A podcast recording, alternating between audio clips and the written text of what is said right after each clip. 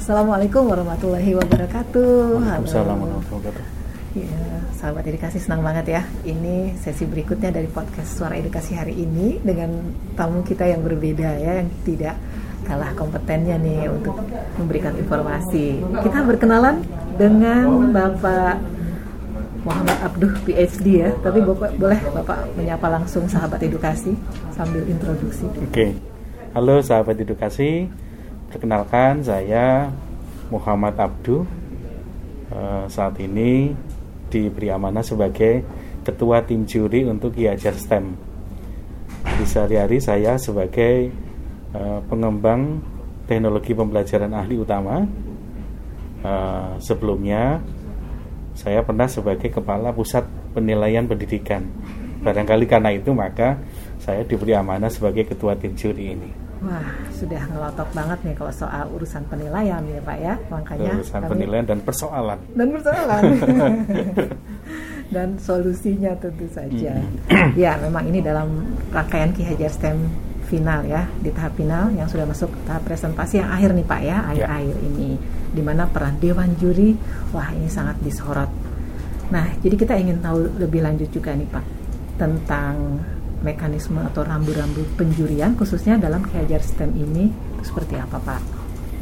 Ya, um, khusus untuk Kiajar STEM tahun 2021 ini um, kompleksitasnya lebih tinggi hmm. dibandingkan dengan uh, beberapa kegiatan uh, Kiajar STEM yang sudah dilakukan sebelumnya. Hmm, yang pertama uh, tentu saja karena daring, hmm, jadi betul uh, persoalan menilai presentasi hmm. dengan daring itu sebuah uh, problematika dan tantangan tersendiri. Oh.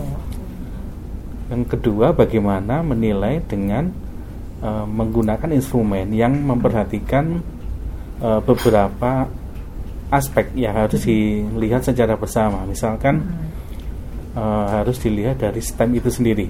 Jadi bagaimana secara uh, science, secara uh, tekniknya, secara engineeringnya dan mathnya gitu. Nah ini harus dipadukan dengan instrumen yang terkait dengan 4C. Yeah.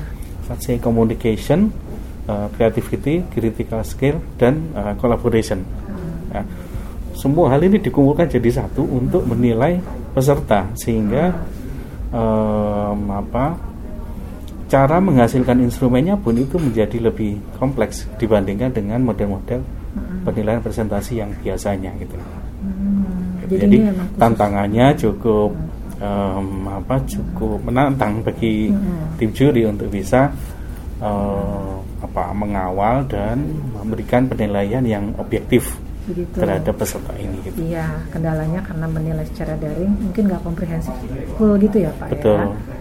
Iya Pak, kalau dari unsur 4C tadi, communication, creativity, collaboration, dan critical thinking ya Pak ya. Yang paling susah dinilai untuk presentasi daring itu unsur mananya Pak? Ya, kalau yang mudah, yang mudah dulu ya. Mm-hmm, yang mudah dulu. Yang mudah dulu itu terlihat um, dua. Mm-hmm. Communication dan collaboration. Hmm. Kenapa communication mudah? Karena mereka mempresentasikan meskipun uh, via daring, tapi kan terlihat di sana kemampuan verbalnya seperti apa, kemampuan oral komunikasinya seperti apa. Jadi mudah untuk bisa dideteksi. Collaboration karena kita uh, menilai mereka bekerja sebagai tim. Jadi kolaborasi ya. yang terjadi antara antar mereka dalam tim itu itu bisa dicermati dan bisa diamati. Nah, yang agak sulit bagaimana terkait dengan kreativitas, kreativiti ya, kreativitas dan critical thinking. Okay. Nah, itu harus kita gali. Kita gali karena kita tidak cukup hanya dengan mendengarkan pemaparan saja. Gitu. Oleh karena itu, eh, penilaian yang presentasi ini kita desain sedemikian rupa ada waktu 4 menit mereka untuk paparan dan kemudian ada waktu 6 menit untuk kita mengelaborasi. Kita bertanya dan mereka menjawab.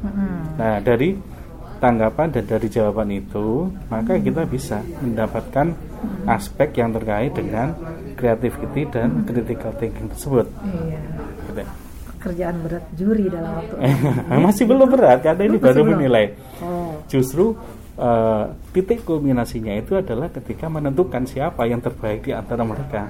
ya Nah itu itu sebuah karena potret real itu ya memang nggak 100% ya pak terbaca betul gitu ya betul Oh, itu. yang mendekati barangkali Ya apalagi menggabungkan eh, proses penilaian yang sudah dilakukan oleh para masing-masing juri nah itu kan juga butuh satu prosedur, satu mekanisme yang nanti bisa dipertanggungjawabkan Iya. baik secara akademik maupun secara moral gitu. nah itu PR ya pak ya Mm-mm. Mempertanggungjawabkan penilaian juri. Padahal yang namanya menjuri itu ada unsur subjektivitas dan juga objektivitas ya Pak ya. Eh, ini bagaimana nih eh, mengkondisikan supaya nanti juri sepakat ya, walaupun memiliki hak untuk menilai, tapi juga kan butuh koordinasi tim gitu Pak, sehingga nanti hasil akhir yang diharapkan tercapai.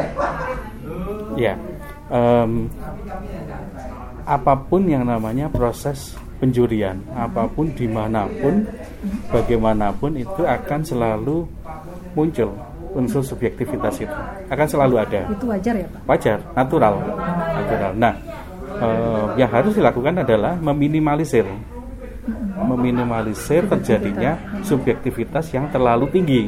Jadi kita tekan sekecil mungkin itu. Caranya misalkan alat ukurnya sama. Kalau bukan sama, Nah, jadi kalau misalkan kita kalau analoginya itu mengukur suhu badan dengan termometer yang sama, Mm-mm. itu relatif nanti hasilnya unsur subjektivitasnya itu kecil Mm-mm. karena termometernya sama, Iya. alat ukurnya sama. Kecuali kalau orang yang pertama diukur dengan termometer satu, orang kedua termometer beda, termometer beda. Nah itu akan sangat subjektif. Mm-mm. Nah sama seperti ini jadi instrumen yang kita gunakan itu sama, Iya. alat ukurnya sama. Jadi itu cara pertama untuk meminimalisir terjadinya subjektivitas tadi. Keberpihakan ya Pak. Ya. Nah, kemudian ada proses di mana bentuk penilaiannya itu kita buat range, range interval sedemikian rupa gitu. Iya. Sehingga dengan dibagi beberapa interval itu maka si juri itu akan apa akan fokus pada range interval, interval itu. Iya. Jadi kalau misalkan dia katakan, oh ini bagus, bagusnya itu bagus kecil atau bagus gemuk ini, Hmm. bagus kurus, bagus gemuk. Mm-mm. Nah, ini kurang ini, kurangnya itu kurang banget apa masih sedikit lebih baik gitu. Iya. Nah itu caranya dengan melakukan beberapa interval, dibagi beberapa interval sehingga em, mengatakan baik itu ya relatif ada di area itu, mengatakan kurang ya di relatif di area itu. Gitu. Nah itu membuat range-nya itu tidak besar, Iya. membuat unsur subjektivitasnya itu tidak semakin lebar itu. Nah yang terakhir ketika nanti penentuan pemenang itu ada forum pleno Iya. ada forum pleno yang masih diberikan kesempatan kepada tim ya. juri. Untuk untuk bisa mendiskusikan apakah eh, penilaian yang dilakukan tadi itu sudah sesuai betul dengan ini secara aklamasi. Karena tadi kalau apa, unsur subjektivitas tadi itu di masing-masing itu kita jadikan satu pleno maka kan nanti akan meminimalisir terjadinya subjektivitas yang tadi dilakukan pada saat melakukan penilaiannya gitu. begitu ya. Nah, mungkin kita juga mau minta pendapat Bapak dari penampilan yang sudah ada sampai di hari kedua ini ya Pak ya. Hmm. Sudah puluhan yang dinilai uh, secara umum. Bagaimana nih kesiapan peserta untuk tampil daring presentasi? Kurang lebih. Ya, eh, tentu saja ada yang baik, ada yang persiapannya kurang, gitu ya. Tapi kalau bicara hal yang sifatnya umum, normatif, itu sebagian besar sudah menjalankannya dengan baik. Hmm. Karena proses presentasi ini kan bukan proses yang berdiri sendiri. Hmm. Proses presentasi ini adalah proses presentasi yang dilakukan terhadap video tema yang sudah dilakukan sebelumnya. Iya. Sehingga secara bahan itu em, apa mereka sudah cukup menguasai secara substansi. Hmm. Nah, masalah terjadi ketika urusannya dengan jaringan. Oh, urusannya dengan em, apa misalkan kalau saya sendiri kan menilai di tingkat SD Ya. namanya anak-anak SD kan tahu sendiri bagaimana mereka em, apa menyikapi situasi yang seperti ini. Ya. termasuk bapak tadi bu guru pembimbing Kelihatan ya Pak. kelihatan sekali bahwa guru bapak dan ibu guru pembimbing ini tidak mau terlihat anak didiknya itu kurang gitu Oh, Nah, sehingga ada beberapa yang ketika kita bertanya, Bapak dan Ibu guru mencoba untuk memberikan anu, bisikan, bisikan untuk menjawab itu. Tapi kita bisa jelaskan bahwa em, Bapak dan Ibu guru tidak perlu seperti itu, heeh.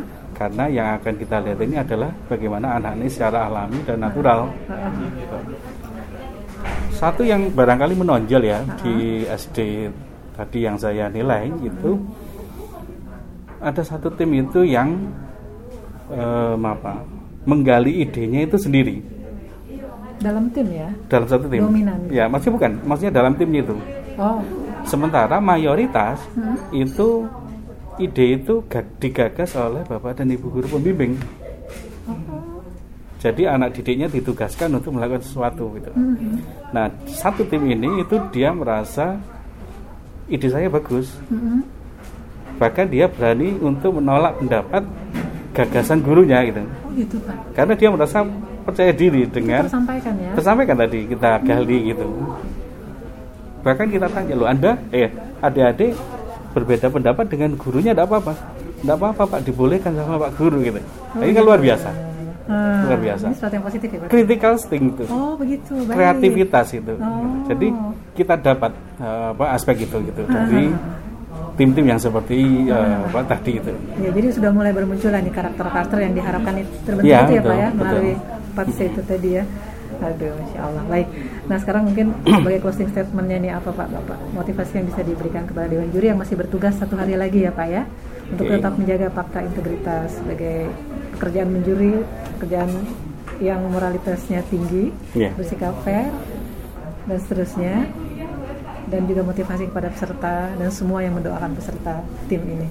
Oke, em, kepada teman-teman tim juri, energinya mohon bisa disimpan lebih baik karena perjalanannya masih panjang. Setelah proses penilaian ini selesai, kita akan eh, fokus untuk melakukan penentuan siapa yang terbaik di antara Iya, mereka. baik. Gitu. Dan pekerjaan tim juri ini adalah pekerjaan yang lebih berurusan dengan tanggung jawab moral ya. Ya. sehingga em, apa hilangkan kesan-kesan yang em, konotasinya itu berpihak. Kesan-kesan yang memunculkan apa dugaan terjadinya eh, persekongkolan terjadinya keberpihakan kebocoran informasi. Itu sudah kita tekankan betul bahwa para tim juri harus memegang eh, komitmen itu secara bersama-sama. Nah, bagi tim yang sudah eh, menjalani proses sampai di tahap presentasi ini, saya ucapkan selamat dan proses ini tidak boleh berhenti. Eh, proses penggalian informasi, proses pembelajaran STEM, proses penggunaan atau pendekatan C tetap harus dijalankan. Jadi ini bagian dari proses, bukan bagian dari akhir perjalanan. Nah, bagi Bapak dan Ibu guru pembimbing, karena sebagian besar peserta ini akan melanjutkan eh, apa pendidikannya ke jenjang yang lebih tinggi. Nah, bantuan, motivasi, bimbingan dan pendampingan terhadap eh, siswa peserta didik untuk ikut dalam proses eh, skema-skema yang berikutnya, misalkan terkait dengan Kiajar itu tetap harus dipelihara dan di maintenance supaya kita bisa bertemu lagi di tahun depan dan tahun-tahun seterusnya. Iya, amin. ya terima kasih banyak atas Oke, sama-sama. Selamat beraktivitas sehat selalu sambil kita nantikan ini hasil yang terbaik. Siap, ya. siap. Dari- Insya Allah yang terpilih adalah yang terbaik. Iya. dan masih banyak kesempatan bagi yang tidak terpilih insya Allah pada kesempatan lain tahun berikutnya me- mekanisme yang berbeda event yang berbeda itu juga bisa berkesempatan untuk menunjukkan kiprahnya masing-masing gitu. Iya, baik. Baik Bapak, selamat Oke, melakukan aktivitas. Sampai jumpa di kesempatan. Sama-sama. Assalamualaikum warahmatullahi wabarakatuh. Waalaikumsalam warahmatullahi wabarakatuh. Terima kasih ya.